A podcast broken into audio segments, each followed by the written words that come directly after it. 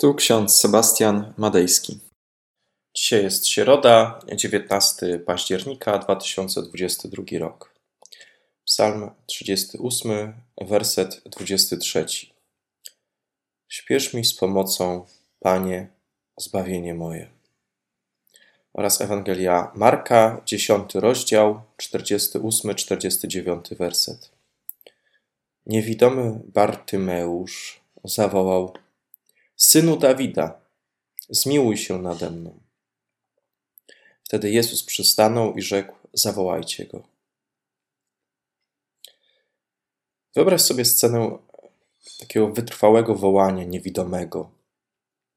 Ten niewidomy znajduje się przed bramami miasta Jericha. Można w tym miejscu zastanowić się i prosić Boga o, o to, o co prosił Bartymeusz, o uzdrowienie, o przejrzenie na oczy. Prośmy więc o Bożą łaskę, Bożą łaskę uzdrowienia. Czy my modlimy się do Chrystusa o przejrzenie? Może nam się wydaje, że widzimy doskonale, że doskonale pojmujemy rzeczywistość, a tak naprawdę jesteśmy jak ten ślepiec na drodze z Jerozolimy do Jericha, czekający aż ktoś nas zbawi. Ten niewidomy siedział przy bardzo uczęszczającym, uczęszczanym szlaku. Wielu ludzi przyszło słuchać Jezusa. Ślepiec Bartymeusz nie miał szans dostać się w pobliże Jezusa, ale pragnął głęboko, aby ten go uzdrowił. Człowiek ten jest ślepy od urodzenia, a zarazem zostaje bezimiennym. Ewangelista nazywa go Bartymeusz, oznacza syn Tymeusza. Możemy próbować wczuć się w sytuację tego człowieka. Nie jest, nie jest łatwo być człowiekiem ślepym i siedząc przy drodze, żebrząc o jałmużnę. Człowiek niewidomy patrzy na świat w inny sposób niż my, osoby, które widzą. Nas ślepota, brak światła napawa lękiem, pozbawia pewności. Zmusza do stąpania powoli, a nawet do bezruchu. Jednak osoby niewidome świetnie dają sobie radę w życiu. W tamtych czasach, w czasach starożytnych, niewidomi byli pozbawieni źródła utrzymania. Nie mogli pracować, nie mogli założyć rodziny. Byli bardzo samotni. Żebrający na ulicy ślepiec usłyszał o Jezusie. Głęboko wierzył, że Jezus ma moc przywrócić mu wzrok. Już zmęczony przyciskaniem się przez tłum, zdążył wykrzyczeć tylko słowa: Synu Dawida, zmiłuj się nade mną. Jest to wezwanie, które co nabożeństwo wypowiadamy. Kyrie eleison, Panie, zmiłuj się. Dlaczego to jest tak istotne wezwanie? Ponieważ przez to wyznanie wzywamy imię Boże i okazujemy pokorę, skruchę serca. Stwierdzamy wprost, że Jezus jest naszym Panem i prosimy Go jak grzesznicy o zmiłowanie, o zlitowanie się nad nami. Ta modlitwa Kyrie eleison jest więc modlitwą pokutną. Bez pokuty nie ma nawrócenia. Bez zwrócenia się do Boga nic w naszym życiu się nie zmieni na lepsze. Nie przejrzymy na oczy.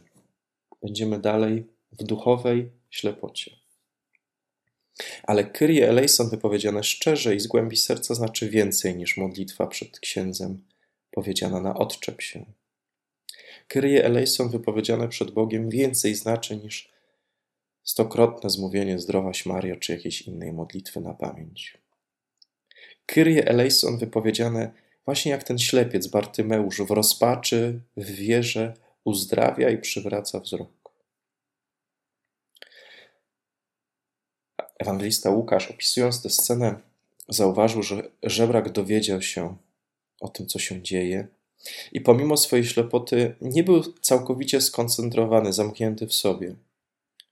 Możemy przypuszczać, że już wiedział, kim jest Jezus Nazaretu, skoro zaczął do niego wołać. Żebrak interesował się tym, co się działo wokół niego, i to wyjście z siebie, zainteresowanie światem zewnętrznym było ważnym krokiem do uzdrowienia. Takie koncentrowanie się wyłącznie na sobie, na swoim cierpieniu prowadzi do egoizmu, nie pozwala zobaczyć nam innej perspektywy, nie pozwala nam zobaczyć Jezusa, źródła uzdrowienia. Pomyślmy, czy nie zamykamy się czasem w swoim bólu, nie próbujemy sami rozwiązać wszystkich problemów. Pozwalam sobie pomóc? Czy zdarza mi się czegoś usilnie pragnąć, tak że to pragnienie przesłania wszystkie inne sprawy, że nawet ludzie mnie od tego nie odwiodą? Pragnienia wyrażają to, co jest w naszych sercach. A co jest najważniejsze? O czym najczęściej myślisz? Co nie daje ci spokoju? Czego najbardziej w świecie pragniesz? Dla Bartymeusza było to przejrzenie, zobaczenie Jezusa, odzyskanie wzroku. Zastanów się nad swoimi pragnieniami, nazwij je i przedstaw Chrystusowi. Właśnie w tej modlitwie. Synu Dawida, zmiłuj się nade mną. Amen. Pomódlmy się. Wszechmogący Panie, dziękujemy Ci za nowy dzień, za słońce, za pogodę. Twoja miłość nas zbawia. Często w naszym życiu jesteśmy ślepcami. Siedzimy gdzieś i żebrzemy o jakieś pieniądze.